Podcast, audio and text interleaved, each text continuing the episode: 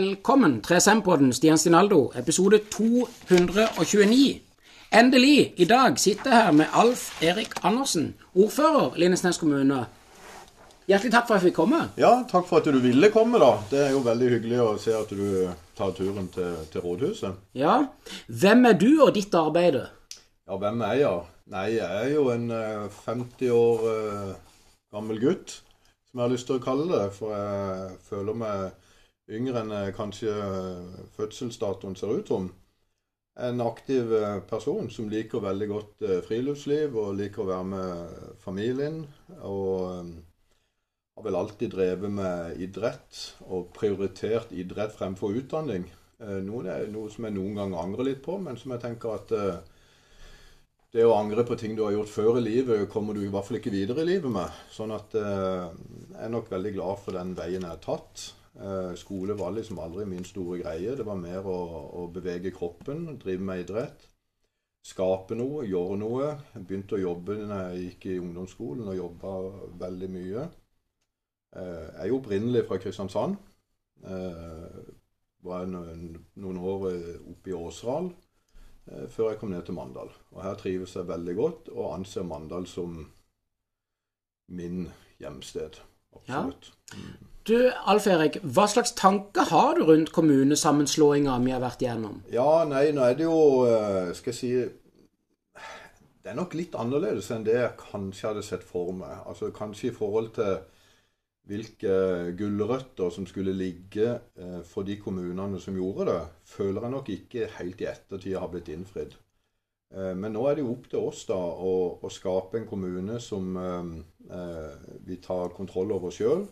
Og så må vi på en måte eh, utvikle kommunen sånn at innbyggerne får en god kommune å bo i. En god kommune å jobbe i, ikke minst, for det er viktig for oss. Skal vi utvikle kommunen? Altså dette med å eh, jobbe i kommunen, skape eh, skatteinntekter til kommunen, gjør at vi får en god kommune å bo i. Vi kan liksom ikke bare velge det ene fremfor det andre. Vi må, vi må se begge deler under ett. Sånn at eh, det tenker jeg er viktig nå eh, i kommunesammenslåinga. Å få eh, en god kontroll på den økonomiske fremtida vår. eh, Sånn at vi får en god kommune å bo i og jobbe i. Jeg, synes, jeg vil gjerne skyte inn og så spørre, fordi at du har jo sittet som ordfører tidligere i det som da var Mandal kommune, og nå sitter du som ordfører i det som er Lindesnes kommune. Ser du noen forskjeller? Absolutt. Veldig store forskjeller.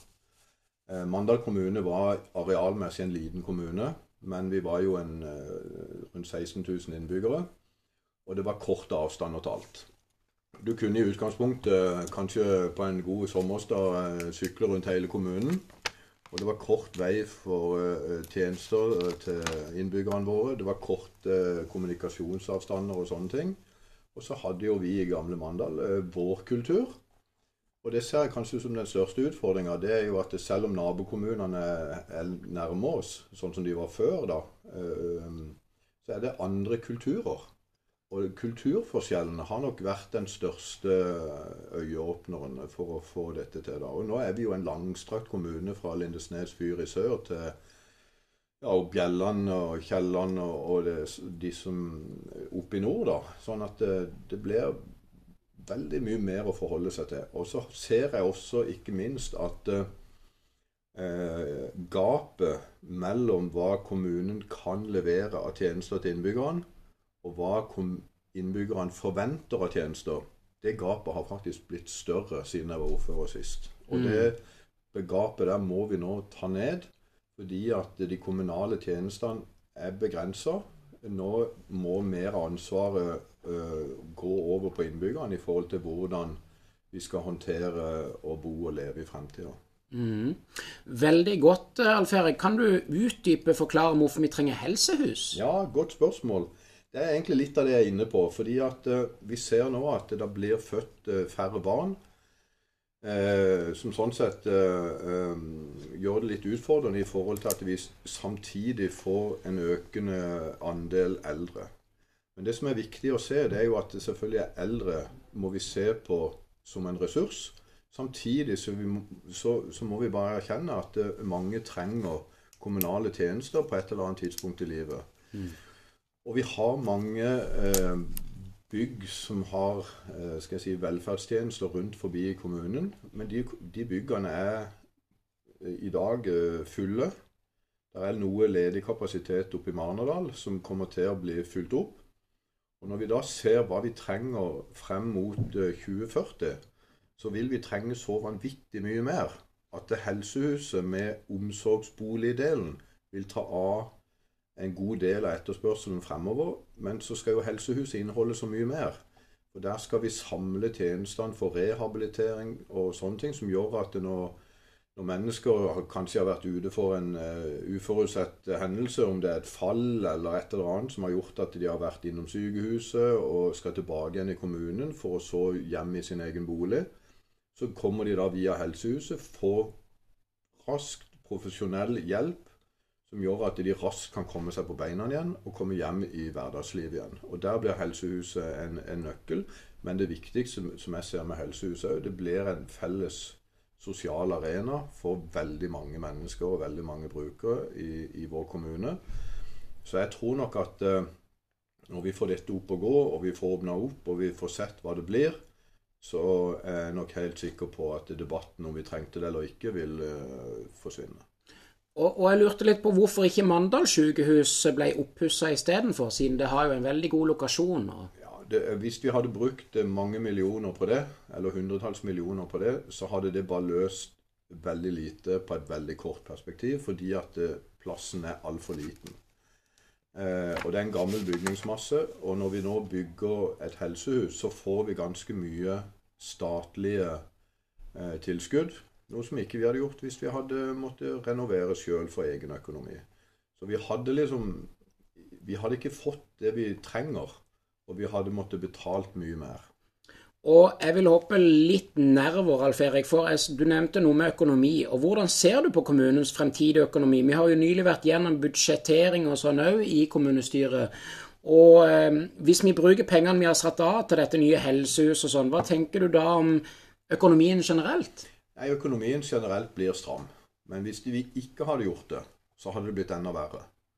Eh, så det er et perspektiv vi rett og slett bare må ta inn over oss. Nå, nå har vi jo riktignok etter valgkamp og med et nytt eh, skal jeg si, flertall, men sånn sett også et omforent eh, kommunestyre, så ser vi at vi, må, vi måtte nedskalere det en god del. Det ble for mye for fort, som belasta kommunens økonomi for mye. Så nå nedskalerte vi det litt, som gjør at det skal være mulig å håndtere. Men det viktigste med helsehuset det er jo ikke at det skal være en eh, oppholdsplass for de av våre innbyggere som skal bo hjemme. Og som kan bo hjemme, og som ønsker å bo hjemme, og som vil være i, i sitt miljø hjemme.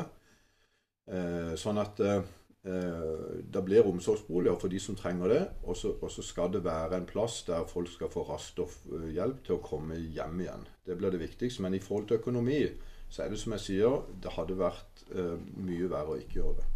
Ja, og Alf Erik, Vi må skifte litt tema over til helse. Kan du ta meg tilbake til denne leteaksjonen vi har vært igjennom, og kanskje gjerne med egne ord forklare hvor viktig frivilligheten er? Gjerne nevne Konrad.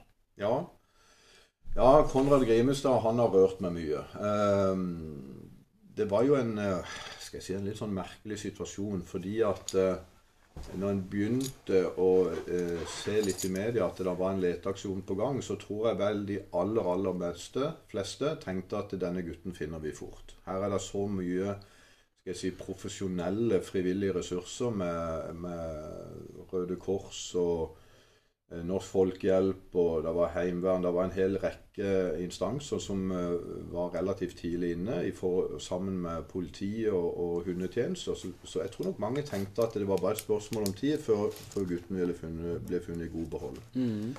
Men så begynte jo tida å trekke ut, og, og da så en liksom det frivillige engasjementet eh, blant de som var uorganisert, virkelig ta seg opp.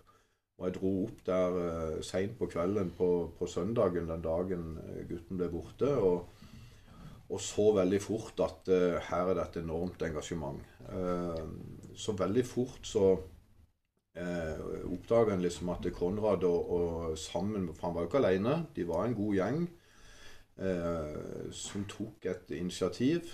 Og det viste jo at når vi kommer i situasjoner der alle innbyggerne eh, kan føle litt på det sjøl. Alle eh, har en relasjon til barn, enten gjennom egne barn eller eh, barn i familie, eller sånn sett hvert barn sjøl. Så alle kunne kjenne seg igjen i situasjonen, og det gjorde at det vekka en, en eller annen, et engasjement som gjorde at det strømma enormt mye mennesker oppover mot området.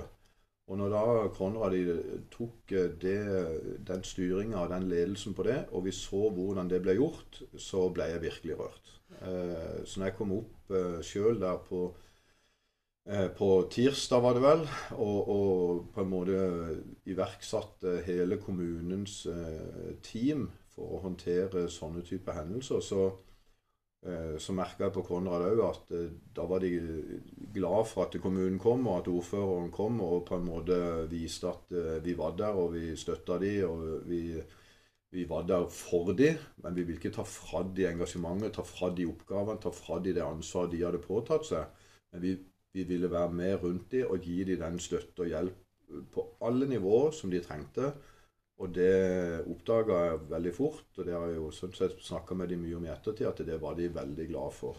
Eh, men det viser i hvert fall at eh, engasjementet blant innbyggerne, eh, når det virkelig står på for enkeltmennesker som trenger hjelp, så er innbyggerne helt formidable. Jeg har aldri sett magen. Ja, det var veldig godt å høre, og fantastisk eh, resonnement. Eh, og jeg tenker litt eh, hvordan tar du vare på egen helse?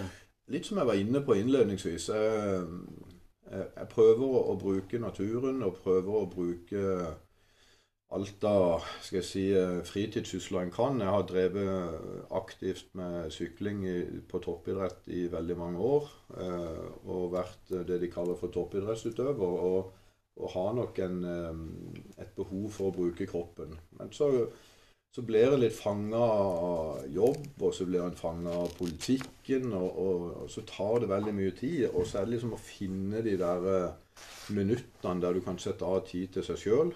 Eh, være litt aleine, det er viktig, for det har, handler også om helse. Uh, men det å ta med seg hunden og, og, stikke på heia, eller gå en tur i Furulund og, og, gå sammen med hunden der og, treffe innbyggere og, og si hei til de, gjør også noe med egen helse ikke minst den psykiske helsa. Men en skulle jo gjerne gjort det så mye mer. Det er jo det det handler om. En får liksom ikke nok. Og jeg skal ikke legge skjul på at uh, ja, kiloene har begynt å renne litt på. ja, men det er godt at vi kan le litt av det òg, for her koser vi oss med pepperkaker og kaffe. Ja, ja. Og vi kan godt uh, skifte tema. Vi har prata bitte grann om det før vi starta uh, den. Du kan jo snakke litt om det, men ikke altfor mye. Status på Sodeviga-saken i dag? Ja, nå har vi jo nettopp hatt uh, kommunestyremøte, og nå kommer jo uh, den saken opp igjen i februar 2024, altså til neste år for der vi er nå, uh, og blir behandla på nytt. Da, da vekker jo også i den saken der en enorm engasjement blant innbyggere, blant naboer til området, blant ikke minst de som bor i området. Og det, det har jo gjort at valgkampen som var, ble litt annerledes. Det handla veldig mye om én sak, og overskygga nok til dels en del andre saker. Men jeg har full forståelse for et uh, sånt engasjement. Og så syns jeg nok kanskje tidvis at uh, det gikk over i å være et uh, engasjement der folk på en måte fikk ytra seg, til å bli et litt sånn ureint spill i enkelte settinger, som jeg syns vi skal være for gode til å holde på med. Eh, der man eh, bruker konspirasjonsteorier, der man eh, bruker tall og, og sånn etter eget forgodtbefinnende og setter de inn i andre sammenhenger de ikke hører hjemme. Og, og litt sånn som gjør at det, det ble en sånn desperasjon som gjorde at jeg syns det ble litt uryddig. Men, men, engasjementet har jeg lyst til å verne om. For det, det er viktig i vårt demokrati. Det er viktig i forhold til ytringsfriheten, og det har jeg veldig stor respekt for. Så, sånn at det åpne, gode engasjementet for en sak du er for eller imot, det liker jeg. Men jeg liker ikke det spillet som eh, på en måte på noe tidspunkt foregikk, og ikke minst de angrepene som kanskje spesielt var på vår forrige ordfører, som sto veldig Even Tronstad Sagebakken, som sto veldig i, kampen der. og Og ble rett og slett hetsa personlig. Det syns jeg vi skal holde oss for gode til i, i et sånt engasjement. Og ikke bare han, men andre politiske miljøer. Og, og de som sånn sett var for denne utviklinga, de turte jo aldri å komme ut og, og si sin mening, i redd for å bli hetsa og av hensyn til sin egen familie. Sånn syns jeg ikke dere skal ha det. Nei, det syns jeg du sier noen gode, gode poeng der, Alf Erik. Og hva tanke har du rundt gode hobbyer? Gode hobbyer, ja. Nei, altså hobby skal jo være noe du får energi av å holde på med. Eh, så det er liksom å finne seg den rette hobbyen som gir energi, det må jo være det viktigste. Eh, det er nok eh, En ser av og til folk som tar på seg skal jeg si, eh, har lyst til å engasjere seg og ha en hobby, og så ser de etter hvert Oi, det, det, det, det stjeler energi istedenfor å gi energi. Så blir det vel at hobbyen blir pakka ned i kjelleren eller lagt på hylla. Men det å ha en, en hobby eh, som også gir et sosialt fellesskap, jeg syns det er utrolig viktig for helsa. Eh, og sjøl har jeg tenkt mange ganger på at eh, det å engasjere seg i det frivillige arbeidet må være kanskje den hobbyen som kan gi mest tilbake til en sjøl. De en er sammen med men kanskje ikke minst de man opererer som frivillig ovenfor. Eh, Sjøl har jeg vært frivillig i snart 20 år. Og uh, lagt ned sånn skal jeg si, Det blir litt sånn uh, lek med tall, da, men, men, jeg har nok brukt en time om dagen av mitt liv i de siste 18-20 årene til frivillighet. men det gir energi det gir engasjement, og du, du, er sammen med andre mennesker på en helt annen arena enn det du kanskje er til vanlig. Så det er viktig. Veldig godt sagt, Alf Erik. Du, jeg vil touche på noe som ikke er et spørsmål her, men du har nemlig min tidligere speiderleder jobba i frivilligheten sammen med han, Tor Gunstein Wiig. Kan Stemmer du ikke si litt om hvor fantastisk han var? Ja, det var en uh, flott person, altså. Uh, jeg har mange minner om han. Og jeg har tenkt mange ganger når vi har uh, hatt litt utfordringer og, og sånn om bord, for han var jo en teknisk dedikert mm. Så har vi alltid tenkt at oh, hadde Tor uh, vært der nå, så hadde vi løst dette med en gang. Mm. Uh, kjempeflott fyr. Og vi hadde mange gøye oppdrag. Husker jeg en gang med og Tor holdt på i båten. Jeg må jo få lov å ta en liten historie, men vi og Tor holdt på i, redningsskøyter, for det er det vi snakker om. Uh, og holdt på med noe teknisk der. og så fikk vi en telefon om en brann på ei øy som uh, begynte å nærme seg hytte. Oi. Og da var vi da klar, og vi og Tor uh, rykka ut. og det var en utrolig varm sommerdag, og vi liksom rigga til med, med brannslang og, og sto på og gjorde det vi kunne. Og så husker jeg liksom når vi kom i land og det var varmt der, og vi hadde liksom rigga oss til, så kasta Tor skjorta. liksom, det ble liksom å skulle være liksom på en måte i gåseøynene litt brannmann, da. Eh, selvfølgelig vi har våre forhåndsregler for hvordan vi skal håndtere dette. Nå får vi ikke lenger lov til å håndtere det, for dette med brann og avgasser er ganske viktig. Og, helseskadelig, ikke minst. Men eh, vi var så tidlig der at vi, vi prøvde å holde kontroll på den brannen inntil brannvesenet kom. da. Men, men, det var liksom, jeg og Tor hadde det mye gøy med det etterpå. Det, det synet av oss da som uh, Tor bar kroppa og slukka brann. Og, nei, så det var et stort savn eh, når vi, når vi mista han, altså. Det, det, må jeg si. Altså. Det, og jeg har hatt um, mye kontakt med, med, familien i ettertid. Sånn at uh, Tor hadde jo noen flotte barn som han var onkel til. Mm. Uh, og de har jeg prøvd liksom sammen med søstera til Tor da, å involvere litt i den eh, videre engasjementet vi har på redningsskøyter. For de var veldig opptatt av det onkel Tor gjorde på redningsskøyter. Så de har jeg hatt med meg om bord i ettertid flere ganger. Og det kommer jeg til å gjøre i fremtida òg, så lenge de har lyst. Og jeg ser nok et potensial i hvert fall ett eller to av de barna til at de kanskje på et eller annet tidspunkt engasjerer seg i det samme arbeidet som onkel Tor gjorde. Ja, Det er jo veldig, veldig fantastisk godt å høre. Og jeg vil gå litt videre. Når jeg sier det grønne skiftet, hva tenker du da? Ja, hva tenker en da? Så kan du jo tenke, ja, så spør du meg, og så kan du spørre mannen på gata, da. Hva vil du Jeg tror liksom Hva er svaret på det? det tror jeg er et ganske stort tema. Eh, men det er jo ingen tvil om at eh, det vi ser av, av Skal jeg si eh, Dette med global oppvarming og alle mulige forskere som forsker på det, så tenker jeg litt sånn at ja, la nå noen forske på det og, så, og holde på med det, men, men jeg litt, i det grønne skiftet så er jeg faktisk mer opptatt av vårt nærmiljø. Hva kan vi gjøre her?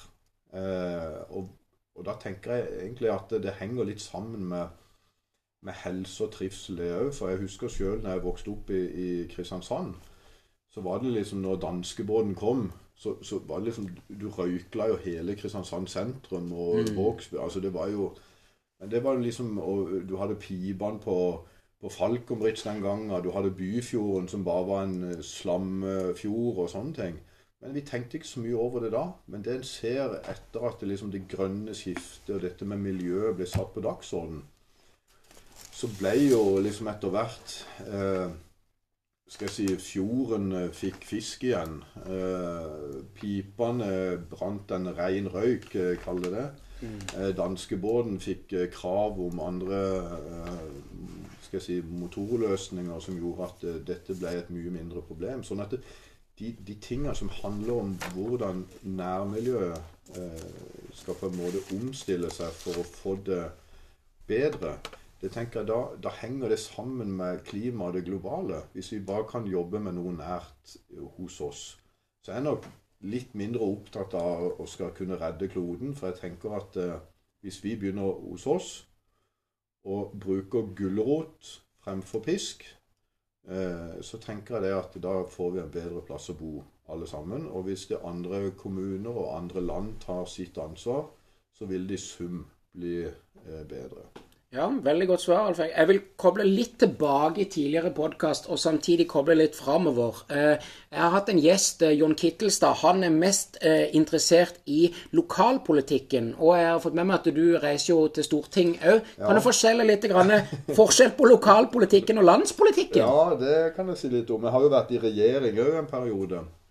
Og sånn som det er nå, å være ordfører, er jo det som absolutt trigger meg best. Og så er det som du sier, da, så, så frekventerer jeg inn til Stortinget nå. Og det er ikke noe jeg ønsker, men det er noe jeg må. Og det tror jeg det er ganske mange som ikke helt eh, tenker Forstår. hvordan ja, hvordan eh, demokratiet og hvordan det konstitusjonelle eh, demokratiet i Norge er bygd opp. Eh, for jeg får veldig mye tilbakemeldinger på ja, hvorfor liksom, frekventerer du til Stortinget når du kan velge å være ordfører. Men det er ikke et valg jeg har. Det er, eh, det er bare sånn det er. Eh, For før jeg ble ordfører, så hadde jeg en eh, varaplass på Stortinget som ligger tilbake fra forrige valg. Og når da du får langvarig sykdom på Stortinget, så trumfer Stortinget alt. Det trumfer lokalpolitikken, det trumfer fylkespolitikken, og du kan ikke si nei til å møte. Så lenge du er frisk og ikke har noe sykemelding, så er du forplikta til å møte. Da er du forplikta til å møte i Norges høyeste organ. Og Når det gjelder politikken, der, så er det jo selvfølgelig en helt annen måte å jobbe på. Eh, det er jo eh, veldig spennende, men, men du Det er enorme saksfelt. Jeg jobber med det som heter arbeid og sosial, og det høres jo tilforlatelig ut som et eh, skal jeg si, mindre spennende tema i forhold til kanskje justispolitikk eller næringspolitikk eller miljø- og klimapolitikk eller energipolitikk og sånne ting som en hører om hele tida. Men arbeid og sosial, det handler om alle våre velferdsytelser som Norge skal levere i kommunene. Det er et enormt stort saksfelt. Eh, Det er pensjonsordninger, det er Nav, og det er ja, det er så mye trygdeytelser, det er arbeidslivsretta arbeids... Altså, det, det er et så stort felt at eh, jeg må innrømme det at den største utfordringen jeg har akkurat nå, det er at jeg går rundt med konstant dårlig samvittighet. Og det påvirker helsa mi negativt. Fordi at eh, jeg får dårlig samvittighet med å være litt for lite her som ordfører. Jeg får dårlig samvittighet å være for lite på Stortinget. For der er vi to stykker som jobber på dette saksfeltet. Han får mye mer å gjøre når ikke jeg kan bidra med så mye jeg vil. Og jeg får mye mindre tid med familien. Så det er en sånn trippel greie som gjør at den situasjonen jeg er i akkurat nå, er særdeles krevende. Ja. Eh, og det er ikke greit. Nei. Så sånn Og- kan jeg ikke holde på lenge. Nei, og, og Alf Erik, du nevnte eh, familie og sånn. eh, Nå vet jeg ikke hvor store og, og gamle ungene og, og eh, familien er, men har du kontroll over skjermtid, eller er du bevisst på dette sjøl? Ja, jeg jo prøver å være bevisst på det sjøl. Eh, og i hvert fall eh, i det siste nå, med den situasjonen jeg fortalte om nå, med, med, med liksom det å være ordfører, det å være på Stortinget og det å, å skulle prøve å skape litt eh, rom for familien, gjør nok at jeg er litt mer bevisst på det nå enn eh, jeg kanskje var før òg. Men så er det jo ingen tvil om at det å være politiker, om det er nasjonalt eller lokalt, handler jo mye om sosiale medier. Mm. Eh, Men jeg merker jo sånn type Og det å si det så tråle nettaviser og sånn, det tror jeg ikke jeg har gjort på et par måneder. Så det er av og til noen kommer innom her og tipser at du, du må gå inn og se på det og det stykket i Lindesnes Avis eller Feven eller VG eller et eller annet. For det har jeg nedprioritert. Eh, rett og slett. For noe har jeg måttet nedprioritert, selv om du som ordfører og nasjonalpolitiker bør absolutt være oppdatert på, på hva som skjer seg i mediebildet så har det vært noe av det som er nedprioritert. Når det gjelder ungene, så, så føler jeg de er reflektert. Eh, eh, Han eldste, som sånn sett kona hadde fra før, men eh, vokste opp hjemme hos oss, han, eh, han er nok mer opptatt av å bruke kroppen eh, i, gjennom jobb og bruke spaden i jorda, han nær sagt, enn å være på telefon og sosiale medier. Så han har et sunt forhold til det. og så Selvfølgelig så har jeg ei datter på 20 som er nok litt mer opptatt av hva som skjer på TikTok og Snapchat og alle disse her kanalene. Men mitt inntrykk er at hun har et reflektert forhold til det. eh, Og jeg har ikke tenkt å, å legge meg opp i det i det hele tatt. Eh, Hun er ei voksen jente som har et godt forhold til det, sånn som jeg ser det. Men selvfølgelig, hva barna gjør på sosiale medier har vi sett så vanvittig mange skal jeg kalle det skrekkeksempler på. At det absolutt er en eh, Jeg sier i gåseøyne en trussel for vårt samfunn innenfor oppvekst. For mobbing skjer jo ikke lenger i skolegården. Det skjer på sosiale medier. Mm. Det er utenforskap, det er utestengelse. Eh, noe som gjør at eh, det er en helt annen verden enn det en er vokst opp i sjøl. Og jeg tenker vi må touche litt eh, på, på 11. Tenker du det er viktig at innbyggerne har tillit til politikerne? Ja, det er jo absolutt det. Men så skjønner jeg jo selvfølgelig at det, det er ulike meninger. Eh, Men der er vi jo tilbake igjen litt på dette som handler om eh, ytringsfrihet. Og eh, vi som politikere, vi får veldig, veldig, veldig sjeldent ros fra innbyggerne. Men det å kunne sitte på sosiale medier og fyre av så tastaturet gløder negativitet rundt politikerne, det er veldig enkelt. Og det går inn på oss. Det er mange som eh, sitter med en oppfatning av at politikere nærmest eh, melker kommunekassa for skattebetalernes penger. Det er ren dugnad, det er frivillighet, og det er et genuint ønske om å få en kommune det er godt å bo i og godt å jobbe i. Og det at en da skal bli hetsa for å ta det engasjementet, det eh, syns jeg lite om. Jeg sier ikke at politikerne skal bli båret på gullstol på noen som helst måte. Men det å, å faktisk ha et respekt for den jobben vi gjør, eh, vil være med å skape tillit. Men det er også opp til oss politikere å, å gjøre en jobb som inviterer til tillit. Eh, også selv om det er uenighet. Sånn at det, det er et felles ansvar, det der. Men, men jeg tror det er viktig for, for innbyggerne å, å faktisk vite at det er genuin interesse, og det handler overhodet ikke om økonomi. Da tror jeg de fleste hadde gjort noe helt annet. Ja. Og Alf Erik, hva tenker du om EU og EØS? Ja, det var et stort spørsmål. Ja, Ja, eh, der er nok partiet litt splitta, men jeg har nok ganske klar oppfatning. Eh, fordi at EØS-avtalen mener nok jeg, eh, eller mener jeg helt bestemt at vi er avhengig av.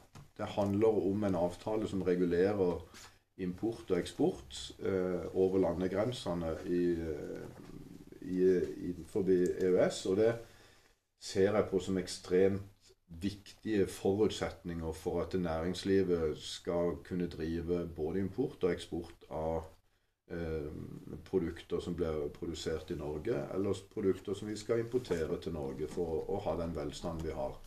Så Derfor er jeg nok opptatt av at EØS-avtalen bør vi være med i, og EØS bør vi være en del av. Men selvfølgelig så bør vi nok mange, på mange områder være tettere på i å forhandle og reforhandle på avtalen etter hvert som verden endrer seg. Det er jeg opptatt av. Men når det gjelder EU, så ser jeg jo det at Norge som står utenfor EU, er jo allikevel europamestere i å innføre EU-direktiv mm. som kommer fra EU. Mm. Altså vi er jo mye eh, skal jeg si, verre, skråstrek bedre til å innføre EU-direktiv enn EU-landene sjøl er. Mm. Og de aller fleste EU-direktiv Eh, om ikke alle, koster den norske stat enormt mye penger. Og, og veldig mange av de mener jeg personlig eh, kanskje ikke engang hører hjemme i Norge. Men de er kanskje mer tilrettelagt for andre land. Eh, så jeg veldig skeptisk til, til, EU og ser ikke noen grunn til at vi skal gå inn der. Jeg vil heller kjempe for at EU-direktivene eh, e vi skal innføre i Norge, eh, bør være tilpassa Norge. Og de vi ikke trenger, de skal vi la være. Veldig godt svar. Og jeg lurer på, Har du noen tanke om den WHO-traktaten som er foreslått? Oi! ja, nå har ikke jeg satt meg veldig godt inn i den, da. Men, men selvfølgelig Det at Norge generelt sett, da Jeg må være litt generell der. For jeg, for jeg kjenner ikke detaljene i den. Så ærlig må jeg bare være. men men selvfølgelig Norge er en av verdens rikeste nasjoner. Eh, Norge har også et ansvar på lik linje med alle andre til å, å både ivareta jeg si eh, Utviklinga i et eh, samfunnsbilde både i Europa og globalt, eh, det skal vi ta fordi at vi har eh, god økonomi.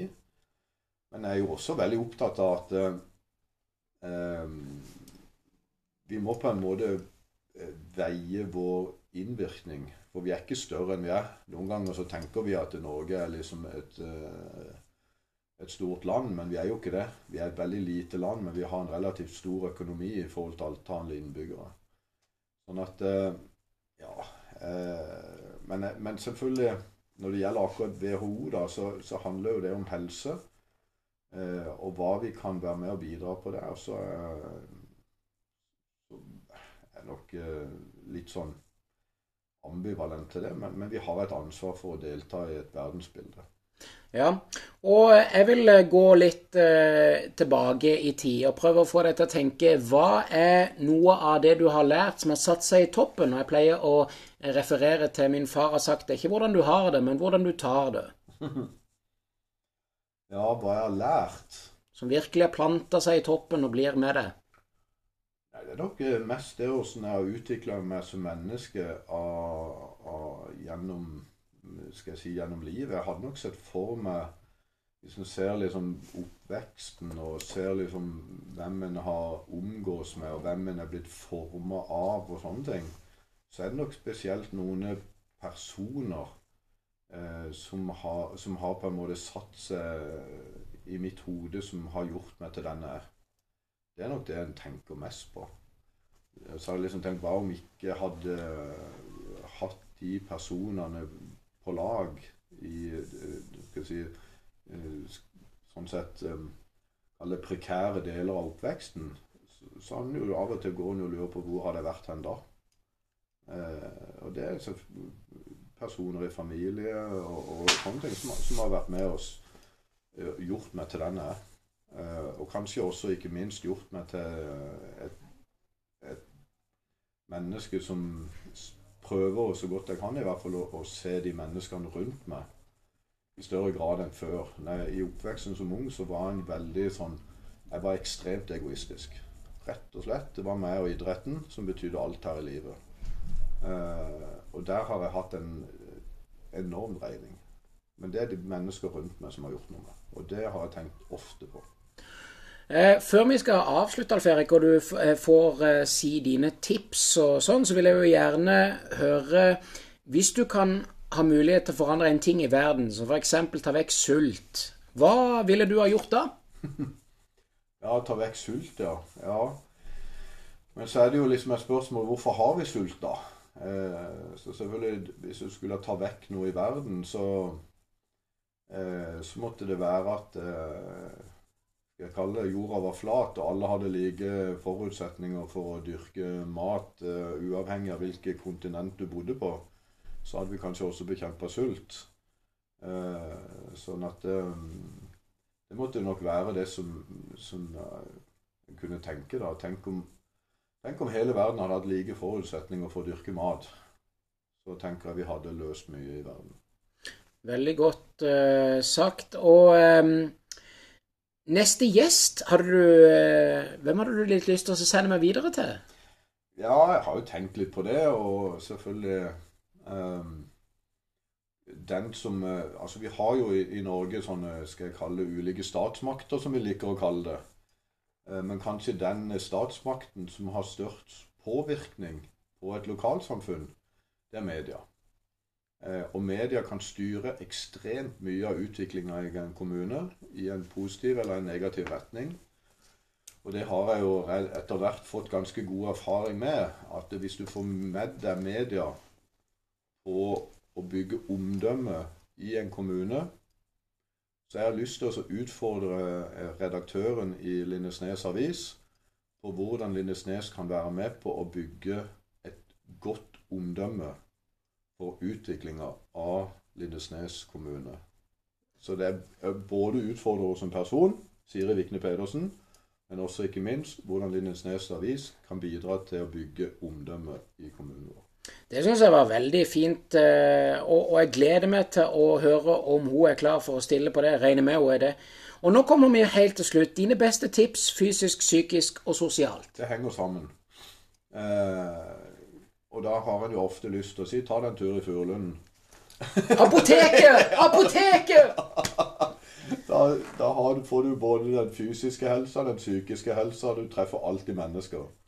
Så da er det liksom, det er jo en sånn trippelvaksine. Eh, så jeg tror kanskje jeg bare lar det være med det.